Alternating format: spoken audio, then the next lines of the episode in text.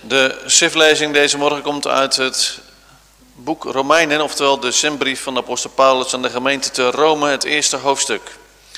En vanmorgen wil ik daarmee een begin maken.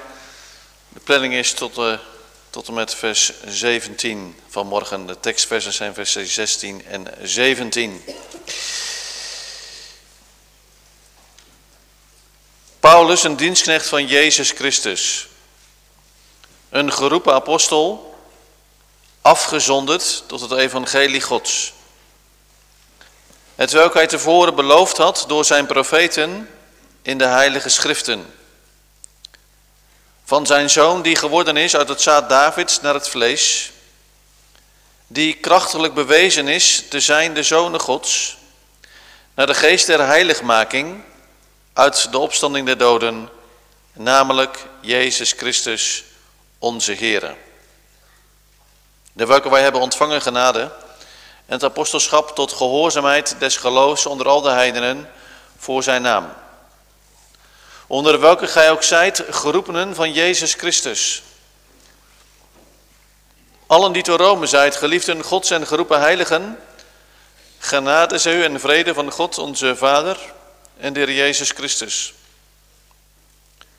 Eerstelijk dank ik mijn God door Jezus Christus over u allen, dat uw geloof verkondigd wordt in de gehele wereld. Want God is mijn getuige. Ook ik dien in mijn geest in het evangelie zijn zoons, hoe ik zonder nalaten uw gedenk. Alle tijd in mijn gebeden biddende, of mogelijk mij nog de enige tijd goede gelegenheid gegeven werd, door de wil Gods, om tot uw lieden te komen. Want ik verlang om u te zien, omdat ik uw enige geestelijke gave mocht mededelen, ten einde gij versterkt zoudt worden. Dat is om mede vertroost te worden onder u door het onderling geloof, zo het uwe als het mijne. Doch ik wil niet dat u onbekend zijt, broeders, dat ik menigmaal voorgenomen heb tot u te komen en ben tot nog toe verhinderd geweest. Opdat ik ook onder u enige vrucht zou hebben, gelijk als ook onder de andere heidenen. Beide Grieken en barbaren, beide wijzen en onwijzen, ben ik een schuldenaar. Alzo hetgeen in mij is, dat is volvaardig om u ook, die te Rome zijt, het evangelie te verkondigen. Want ik schaam mij het evangelie van Christus niet, want het is een kracht gods tot zaligheid en iegelijk die gelooft, eerst de Jood en ook de Griek. Want de rechtvaardigheid gods wordt in hetzelfde geopenbaard, uit geloof tot geloof. Gelijk geschreven is, maar de rechtvaardige zal uit het geloof leven. Want de toren Gods wordt geopenbaard van de hemel over alle goddeloosheid en ongerechtigheid van de mensen. Als die de onwaarheid in ongerechtigheid en onderhouden. Overmits hetgeen van God kennelijk is, in hem hen openbaar is, want God heeft het hun geopenbaard. Want zijn onzienlijke dingen worden van de schepping der wereld aan uit de schepselen verstaan en doorzien beide zijn eeuwige kracht en goddelijkheid opdat zij niet te verontschuldigen zouden zijn. Omdat zij God kennende hem als God niet hebben verheerlijkt of gedankt, maar zijn verijdeld geworden in hun overleggingen en hun onverstandig hart is verduisterd geworden. Zich uitgevende voor wijzen zijn zij dwaas geworden. En hebben de heerlijkheid des onverderfelijken gods veranderd in de gelijkenis van een beeld van een verderfelijk mens en van gevogelte en van viervoetige en kruipende gedierte. Daarom heeft hen God ook overgegeven in de begeerlijkheden hunner harten tot onreinheid, om hun lichamen onder elkaar te onteren. Als die de waarheid Gods veranderd hebben in de leugen en het schepsel geëerd en gediend hebben boven de schepper, die te prijzen is in der eeuwigheid. Amen. Daarom heeft hen God overgegeven tot oneerlijke bewegingen, want ook hun vrouwen hebben het natuurlijk gebruik veranderd in het gebruik tegen nature. En insgelijks ook de mannen nalaten het natuurlijk gebruik der vrouwen zijn verhit geworden in hun lust tegen elkander. Mannen met mannen schandelijkheid bedrijvende. En de vergelding van een dwaling die daartoe behoorde in zichzelf ontvangende. en gelijk het hun niet goed gedacht heeft God in erkentenis te houden, zo heeft hen God overgegeven in een verkeerde zin om te doen dingen die niet betamen. Vervuld zijnde met alle ongerechtigheid, hoerderij, boosheid, gierigheid, vol van nijdigheid, moord, twist, bedrog, kwaadaardigheid. Oorblazers, achterklappers, haters gods, smaders, hoogvaardigen, laatdunkenden, vinders van kwade dingen, de ouders ongehoorzaam. Onverstandigen, verbondsbrekers, zonder natuurlijke liefde, onverzoenlijke, onbarmhartigen. De welke, daar zij het recht gods weten, namelijk dat degenen die zulke dingen doen, des doods of aardig zijn. Niet alleen dezelfde doen, maar ook mede een welgevallen hebben in degene die ze doen. Tot zover de schriftlezing.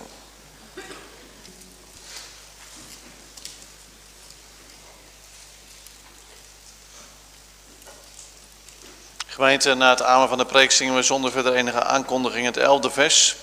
Dat zal ik David door mijn kracht en horen van rijkdom, eer en macht doen reizen uit zijn nageslacht. Psalm 132 vers 11 na het amen van de preek. Gemeente, vanmorgen staan we stil bij de eerste 17 versen uit Romeinen 1. En ik lees nog een keer met u de versen 16 en 17. Want ik schaam mij des evangelies van Christus niet. Want het is een kracht gods tot zaligheid, een iegelijk die gelooft, eerst de Jood en ook de Griek. Want de rechtvaardigheid gods wordt in het zelf geopenbaard uit geloof tot geloof.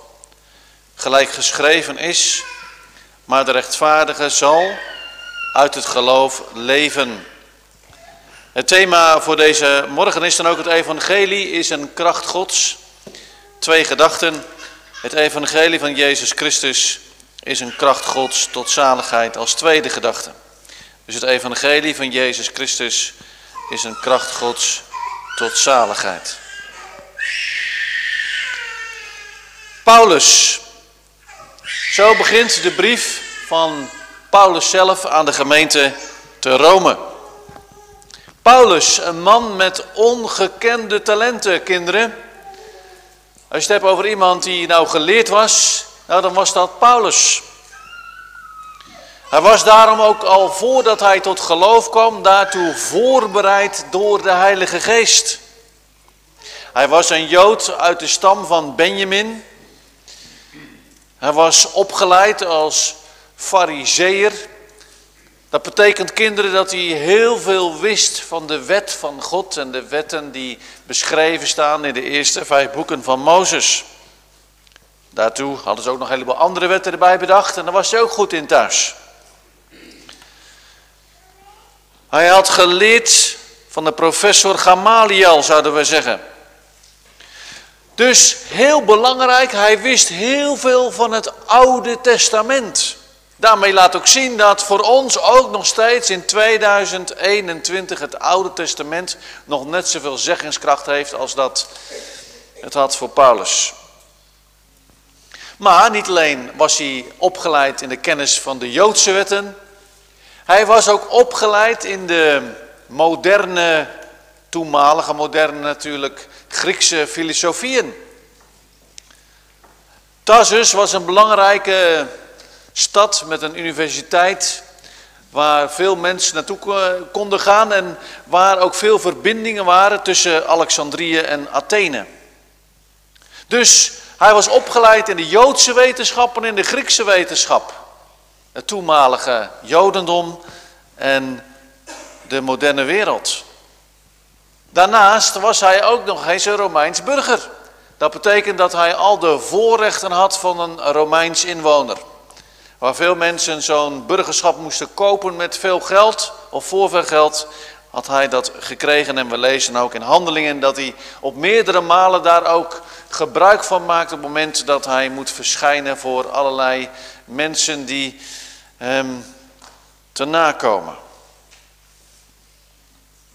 Een man die ook wist wat het was om in de woestijn te zijn. Immers, toen hij tot bekering kwam, toen de Heer Jezus hem riep vanuit de hemel hem stilzette, Toen de Heilige Geest hem toe-eigende wat hij in Christus had, toen heeft hij daarna ook een periode in de woestijn te Saudi-Arabië doorgebracht. En ongetwijfeld heeft Paulus daar in die woestijn alles hetgeen wat hij had geleerd uit het Oude Testament, alles wat hij had geleerd van het Jodendom, alles wat hij had geleerd van de Fariseeërs, daar heeft de Heilige Geest hem inzichten in gegeven die onder andere beschreven staan in het boek van de Romeinen, aan de Romeinen. Een boek waarvan heel veel verklaarders zeggen, waar Luther van zei, die begon met vertalen van het boek van de Romeinen. Toen hij begon met vertalen, de Bijbel, die heeft hij de Bijbel vertaald uit het Grieks en uit het Hebreeuws naar het Duits, het toenmalige Duits. En toen begon hij met het boek Romeinen. Calvijn die begon met het boek van de psalmen. Omdat het twee als het ware de middelpunten zijn van het evangelie. En er was een verklaarder die zei dat het boek Romeinen, dat je dat, dat, je dat moet gebruiken als zijnde een, een, een, een sleutel tot, tot de rest van de Bijbel. En ik denk dat hij gelijk heeft. Overigens zei Maarten Luther ook dat uh, wij geroepen worden om de bij, het boek van de Romeinen iedere week te lezen. Iedere week. De katgezanten weten dat, want ik heb het vorig jaar heb ik het uitgebreid met ze over gehad, over de Romeinen boek aan de Romeinen. Ik denk dat veel katholieken meer weten van het boek van de Romeinen als menige vader en moeder, denk ik. Dus het lijkt me heel interessant thuis om dat gesprek eens te horen. Maar als het goed is, hebben we dat onthouden, dat het boek aan de Romeinen, dat we dat elke week moeten lezen. Hoofdstuk 1 tot en met het einde en dan zo weer overnieuw beginnen. Daarom zien we ook dat hier in deze eerste zeven versen, waar eh, als het ware een soort inleiding wordt gegeven door Paulus over de hele inhoud van het boek aan de Romeinen. Daarmee zie je ook dat dus Paulus iemand was die een, ja, gestructureerde denker was. Die stapje voor stapje de lezer meeneemt in de argumenten die hij op tafel brengt. Juist ook in deze brief zien we heel duidelijk dat hij bij machten is geweest om de leer van het Oude Testament te verbinden en uit te werken en een eenheid te smeden tussen het Oude Testament en het Nieuwe Testament. Hij beschrijft zichzelf als een dienstknecht, staat er in de Bijbel. Een doulos staat er in het Grieks. Een slaaf nou, dominee, dat vind ik wel negatief om jezelf te beschrijven als slaaf. Nou, het staat hier op een positieve manier.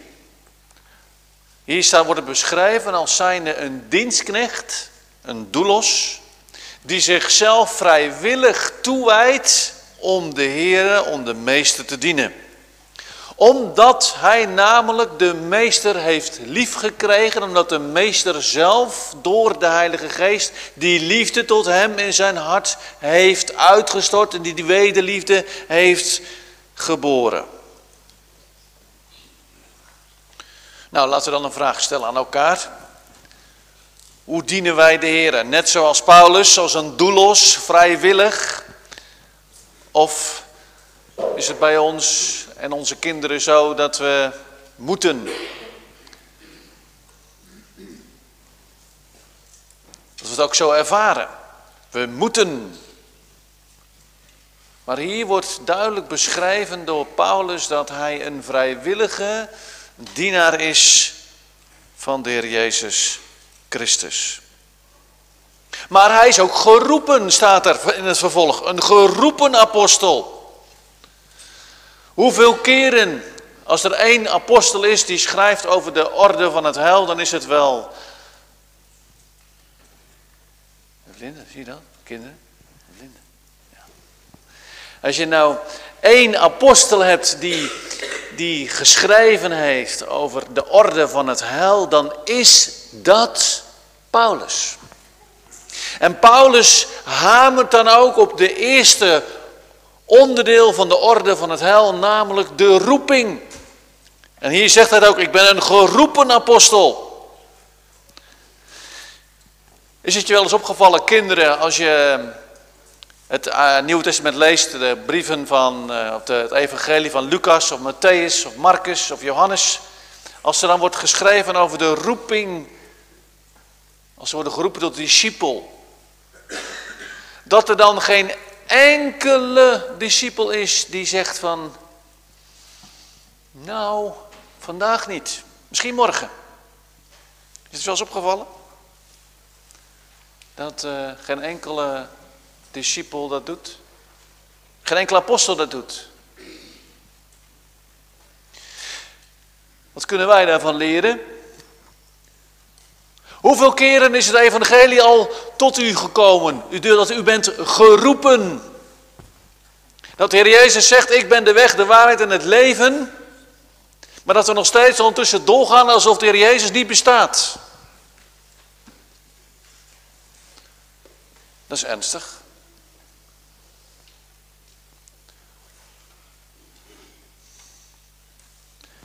Geen enkele discipel vroeg, uh, is, is het wel echt voor mij? Geen enkele. Geen enkele apostel zei van, uh, nee. En de roeping komt tot ons, zondag aan zondag. En te zetten is bij de eende. Hier in de eendevijver uh, in uh, Nieuwekerk. Heb je zelfs gezien, die eende, in die eendevijver? Als die dan rondzwemmen, en het regent heel hard. Of ze wassen zich en dan zie je die vleugels zie dan zo wapperen. Dan zie je al die druppeltjes zie op die ene komen. Maar dat is zo kunstig geschapen, die ene, dat die druppeltjes één voor één zo eraf glijden. Daarom drijven ze ook zo goed.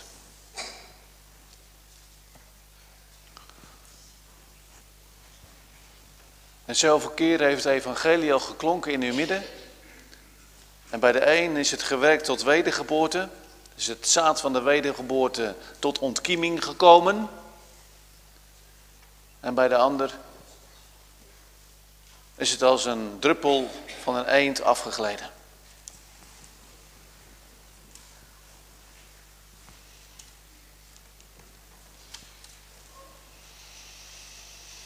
Paulus was afgezonderd. Hij had geen keuze, hij moest. Hij werd stilgezet door de Heer. Afgezonderd tot het evangelie van God. Dat is de eerste keer dat hij spreekt over het evangelie. Het evangelie van God wordt trouwens heel vaak gebruikt in de brief van de Romeinen. Ongeveer 60 keer, kinderen. 60 keer spreekt Paulus over het evangelie. En jullie weten het. Evangelie betekent een blijde boodschap.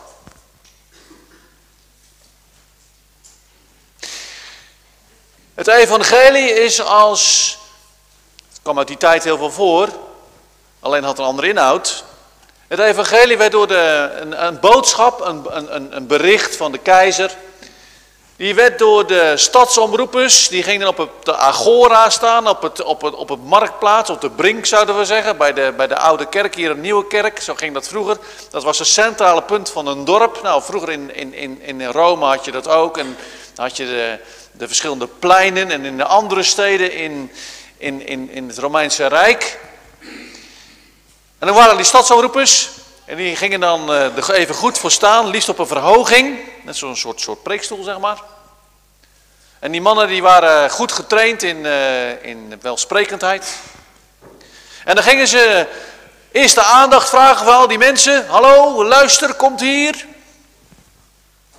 En dan hadden ze, kwamen al die mensen, ja, die wilden natuurlijk een nieuwtje horen, want je had geen geen televisie, je had geen telefoon, je had geen, geen horloges met allerlei biepjes en dingetjes. Nee, de mensen waren afhankelijk van de berichten die werden doorgegeven. En dan komen al die mensen daar omheen staan. En dan spitsen ze de oren, neigen ze de oren. Zo, wat zou die stadsomroepen gaan zeggen? En dan was dat een boodschap die belangrijk was. Een wet of een volkstelling of enzovoort. En dan vertelde dus die stadsomroepers het goede nieuws. Nou, zo is het ook het evangelie, zegt Paulus. Hij is afgezonderd tot het evangelie van God. Iedere keer als we de Bijbel lezen, dan klinkt dat blijde evangelie. Dat heerlijke woord wat God aan ons zondige mensen gegeven heeft. Verloren mensen in onszelf, dat zijn we. Hè? Dat is zo duidelijk. Als me nou iets duidelijk is geworden in de laatste drie jaar en twee maanden, is dat er van nature geen enkel mens is die God zoekt. Geen één. Er is niemand die God zoekt. Ja, dominee, dat weten we wel. Ja? Heb je het wel eens echt ervaren dat je God niet zoekt? Heeft het je wel eens in de schuld gebracht dat je God niet zoekt? Heeft het wel eens op de knieën gebracht dat je God niet lief hebt?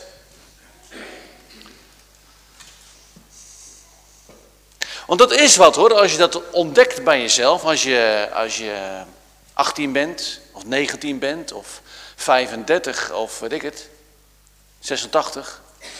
Als je erachter komt dat je God niet lief hebt. Of dat je vijf bent en dat je bij je vader, bij je moeder op schoot kruipt en zegt, papa, mama, ik heb zo'n zondig hart, ik zoek de Heer niet, ik heb hem niet lief. En ik ga verloren. Ik ben al verloren als de Heer mij niet wederom geboren laat worden. Dat is de ene kant. Dat wordt ook heel duidelijk beschreven in het vervolg van het eerste hoofdstuk. Zo duidelijk. Al die zonden worden met name genoemd.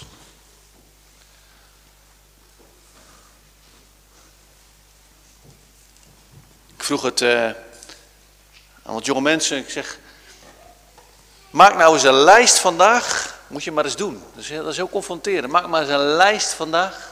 Kunnen wij allemaal doen. Kleine kinderen niet kunnen schrijven, moet je maar samen met je vader doen, met je moeder. Maak nou eens een lijst aan het einde van deze dag. Welke zonde je hebt gedaan. Dan moet je heel eerlijk zijn, hè? daar moet je echt, echt even voor gaan zitten. Dan moet je nadenken, dan moet je een papier pakken, een pen pakken en opschrijven. Ik heb gelogen, ik heb uh, niet aan de Heer gedacht, ik heb uh, mezelf op het oog gehad, ik ben hoogmoedig, ik ben zaggerijnig tegen mijn vader geweest of tegen mijn moeder. Boos op mijn broertje en mijn zusje.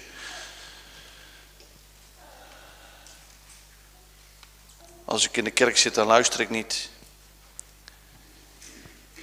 Als ik uh, bid, dan slaap ik. Kunnen we allemaal doen. En dat is erg als je zo'n lijstje maakt. En als je dat gewoon zwart op wit ziet staan, dit zijn mijn zonden van vandaag. En al die zonden zijn genoeg om ons voor eeuwig, eeuwig, het houdt nooit op hè, eeuwig in de hel te werpen. Al die zonden.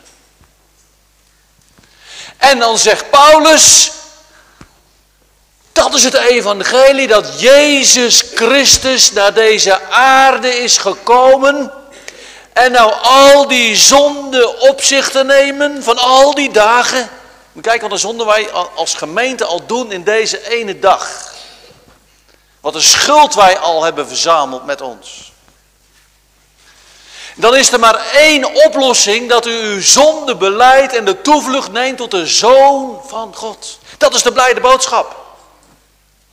En die wordt u keer op keer verkondigd. En dan zegt dan uh, Paulus, ik ben afgezonderd tot het evangelie.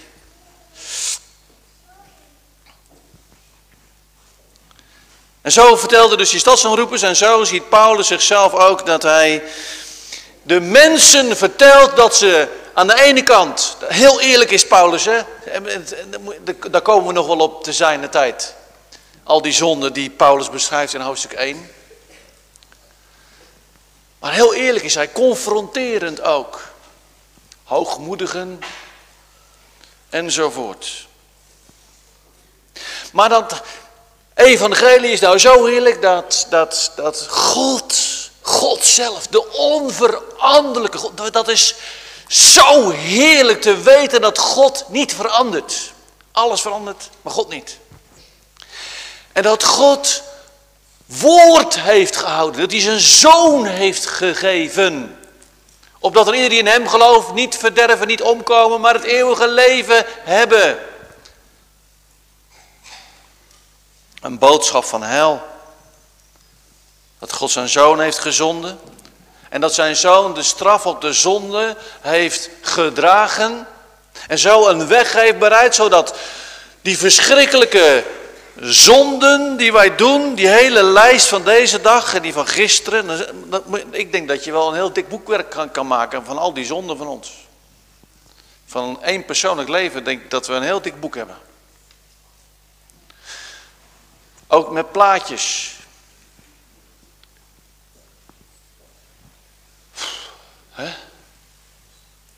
Ik heb het wel eens mijn katalysatie gezegd. Zo van. Uh, alles wat wij nou gezien hebben deze week. Op een zo'n groot scherm geprojecteerd voor iedereen. Zou je het aandurven?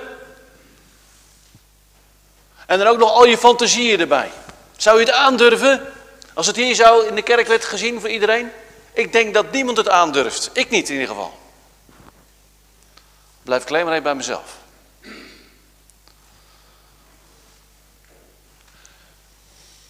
En dan gaat over God. Een heilig, almachtig God waar wij keer op keer tegen zonde. Weet je wat geloven is? Geloven is het ermee eens zijn dat God in zijn rechtvaardige toren ons persoonlijk voor eeuwig buiten werpt in de buitenste duisternis, want we hebben niet anders verdiend dan de eeuwige straf.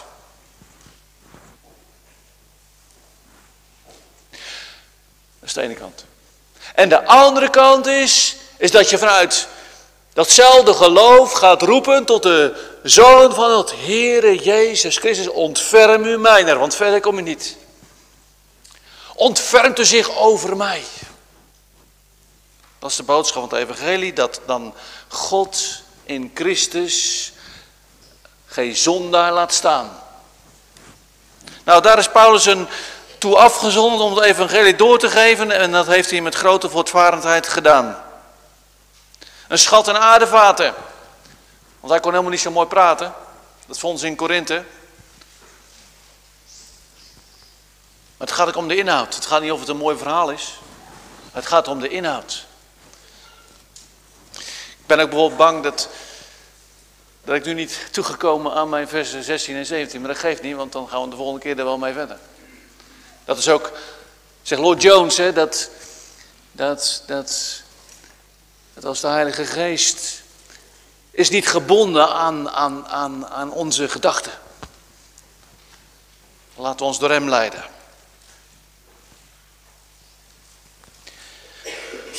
Want het werk van Christus, dat is zo, zo belangrijk, kinderen.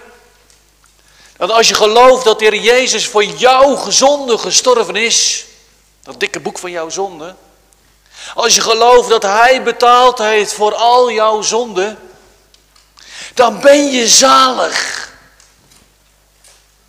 Want het bloed van de Jezus Christus heeft dan al die zonden weggewist, uitgewist.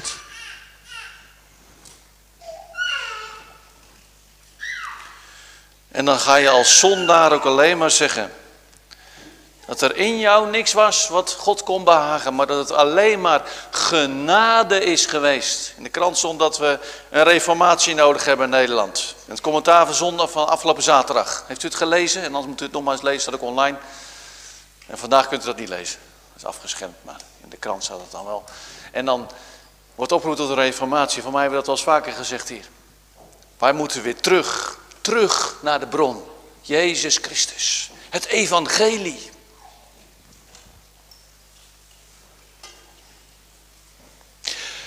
De psalmen die spreken van de goede tierenheid, de barmhartigheid van God.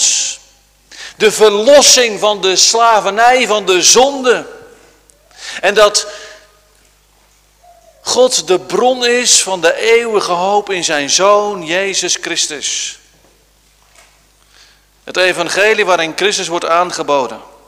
Maar tegelijkertijd zegt het woord ook dat wij in gehoorzaamheid de Here hebben te dienen.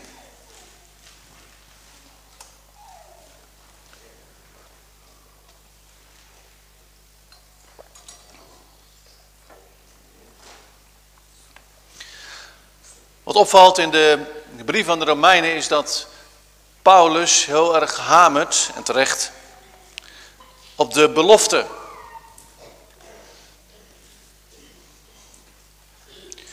En dat doet hij door de profeten uit het Oude Testament aan te halen, zoals we lezen in vers 2, het welk hij tevoren beloofd had door zijn profeten in de heilige schriften van zijn zoon, die geworden is uit het zaad van David naar het vlees. Wat het mooi is met categorisatie is dat, dat jongeren mooie vragen stellen. En ik heb ze ook gewaarschuwd, ik zeg dan, als, ik, als mij dat persoonlijk raakt, dan neem ik dat mee de preekstel op, dat snap je. Een van die vragen was van, hoe werden nou de mensen in het Oude Testament zalig? Hoe werden de mensen uit het Oude Testament nou zalig? Want de Jezus was er nog niet. De mensen uit het Oude Testament die werden net zo zalig als dat wij nu zalig worden. Namelijk de Heilige Geest overtuigt ze van zonde, gerechtigheid en oordeel. En laat ze zien dat, dat er in hen niks is wat ze zalig maakt. Maar vervolgens dat de Heilige Geest toe-eigent wat we in Christus hebben. Namelijk vergeving van zonde en eeuwig leven. Maar het verschil tussen de mens in het Oude Testament, en dat zegt Paulus ook heel duidelijk, is dat de mensen in het Oude Testament, zoals Abraham en Noach, die zagen uit naar de belofte dat de Zoon van God komen zou, de Messias. En zegt Paulus, die belofte is uitgekomen. Dat zeggen we ook, blijden we ook in onze belijdenisgeschriften. Dus de belofte van de Messias is uitgekomen. Dat is ook gelijk het verschil met het Jodendom. Die zien nog steeds uit naar de Messias. Met allerlei stromingen. En wij als nieuwtestamentische christenen, zegt Paulus, wij zien uit naar de tweede komst van de Heer Jezus. En net zo zeker als dat de eerste komst van de Heer Jezus is gebeurd, zo zeker is het, met een profetische zekerheid, zegt Paulus, is het dat de Zoon van God terug zal komen op de wolken des hemels. Het hele Oude Testament, zegt Paulus, is vervuld. En daarom zie je ook dat hij heel goed bekend is in al de profetieën van het Oude Testament. Al de werken in de tabernakel, in de tempel, die waren allemaal bedoeld om te laten zien dat de Heer Jezus komen zou. Het lam van God.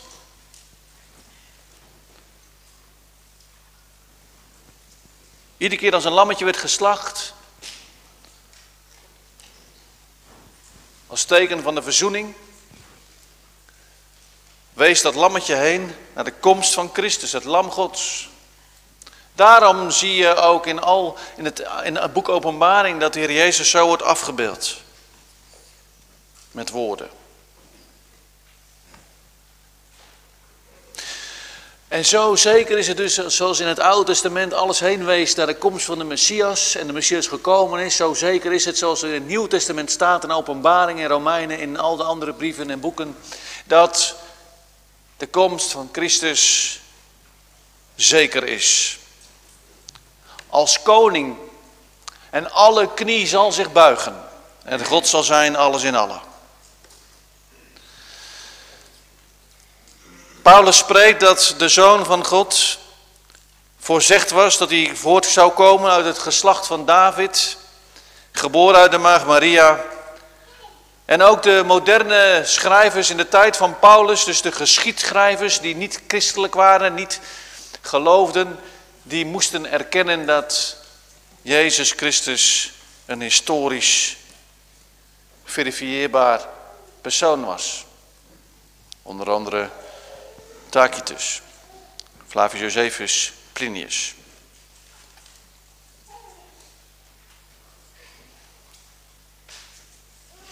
En ook Johannes benadrukt in zijn brieven in 1 Johannes 4, vers 2 en 3 dat de Zoon van God 100% mens was en 100% God.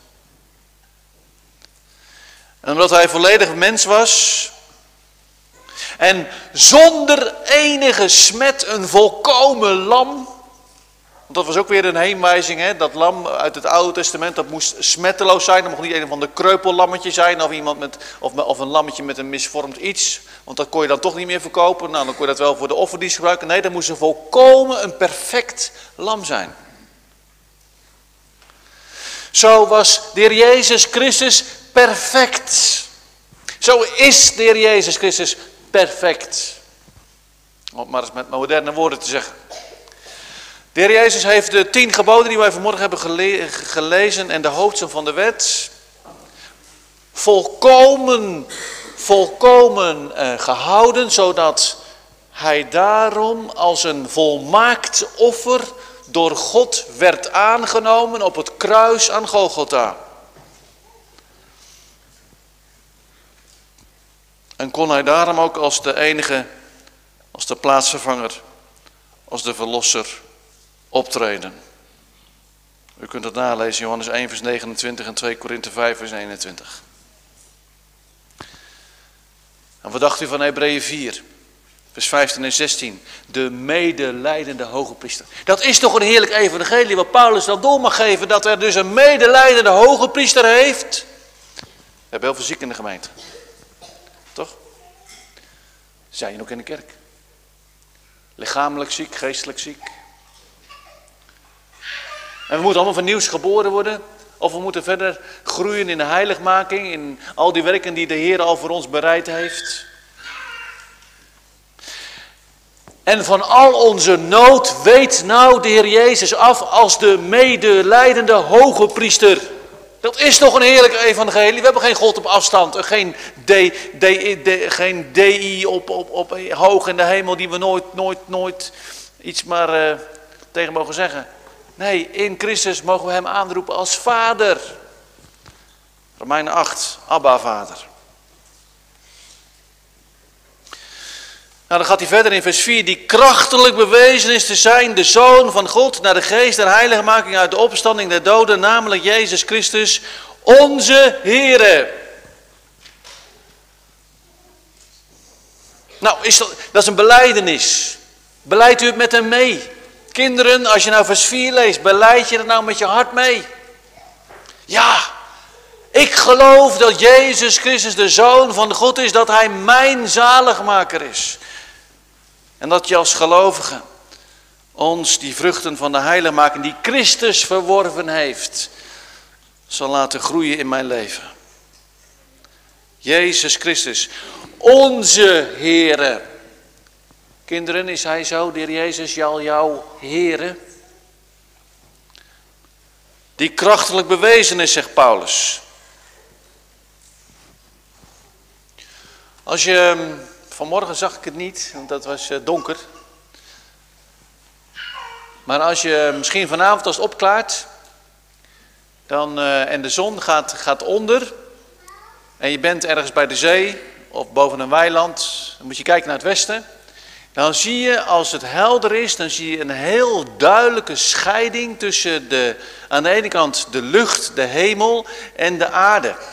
En dan kun je in de verte heel ver kijken en dat noem je de horizon.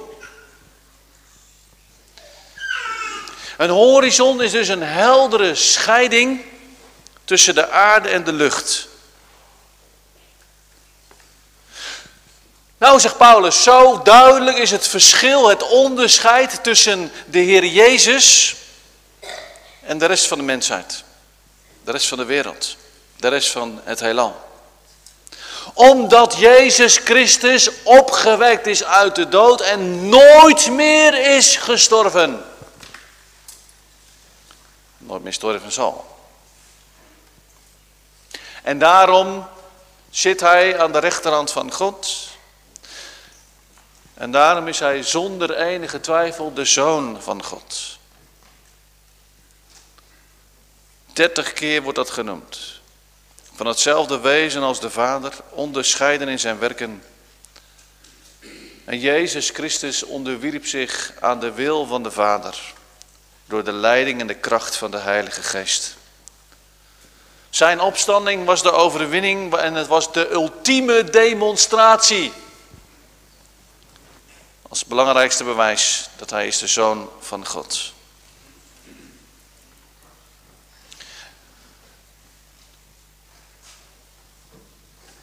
Als je dan verder leest in vers 5, dan zie je dat Paulus zich dus heel duidelijk uitspreekt dat hij zelf niets heeft en niets kan. Kijk maar in je Bijbel. Door welke wij hebben ontvangen genade en het apostelschap tot gehoorzaamheid des geloofs onder al de heidenen voor zijn naam. Paulus zegt eigenlijk, ik had, ik had niks. Sterker nog, hij was een, een, een, een, een, een vervolger. En wat heeft hij ontvangen? Genade, gratia. En het apostelschap. Wat mondt uit in gehoorzaamheid. En wat heeft hij gewerkt in de dienst van de Heer? Het woordje genade, dat is het woordje wat ook centraal staat hier in het vijfde vers. In het Grieks gratia. Een van de vijf sola's van de reformatie. Daarom was het ook zo eens met de commentator uit het RD dat hij schreef, wij hebben een reformatie nodig in Nederland, in de kerk. Die begint in de kerk.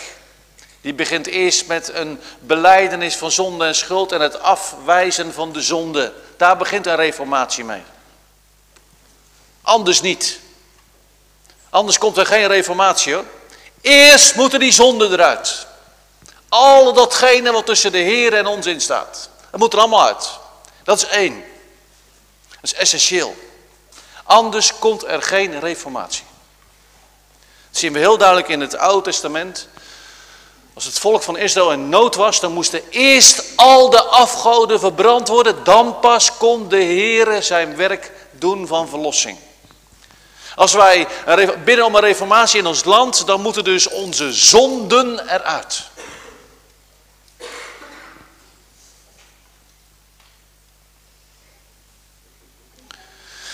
Want dat is leven van genade. Genade is namelijk gratis. Niet voor niets in de Reformatie zo, zo kenmerkend. Sola gratia, sola fide, door het geloof. Sola Christus, alleen om Christus wil. In en door Christus. Sola scriptura, alleen maar door de Bijbel. En dat bond uit in het soli deo gloria, alles tot eer van God. Genade is iets wat God schenkt aan zondaar op grond van alles wat Christus zelf, de Zoon van God, verworven heeft, verkregen heeft. Genade is een woord wat centraal is hier in dit Bijbelboek. Het is het belangrijkste woord van het evangelie. Het is de verzoening door voldoening. Christus heeft voldaan aan de eis van God en daardoor worden zondaren verzoend met God de Vader. Genade als een geschenk van God. Daar kan een mens nou helemaal niets aan doen. Voordoen, aandoen.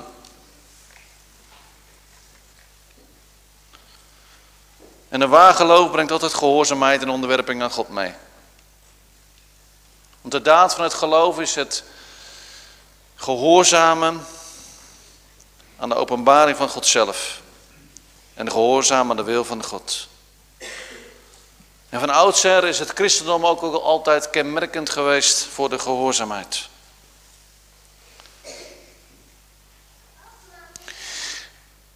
En dan vers 6. Dan zegt hij, onder welke gij ook zijt geroepenen van Jezus Christus. Die zit hier ook, hè? Die zit hier ook. Dat is toch bemoedigend. Hier zitten vanmorgen onder ons geroepenen van Jezus Christus. Die in geloof gehoorzaamd hebben aan de roeping. Die hun zonde hebben beleden en alleen maar leven van genade. Niks uit mij, alles uit Hem. De roeping die zo ook vanmorgen over ons wordt, over heel de gemeente wordt uitgeworpen. De uiterlijke roeping en de inwendige roeping door de Heilige Geest. Die roept tot de gemeenschap van Jezus Christus. En dat is ook de ernst van dit woord. Of je gehoorzaamt aan het woord van God. Of je legt het naast je neer, dan ben je die eend met die druppeltjes. En het is het goddelijk welbehagen als iemand gehoorzaamt.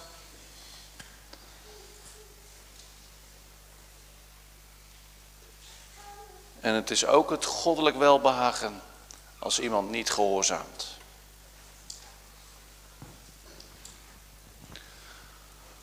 Want dat is de Heilige Geest is vrijmachtig in het werken van het zaad van de wedergeboorte.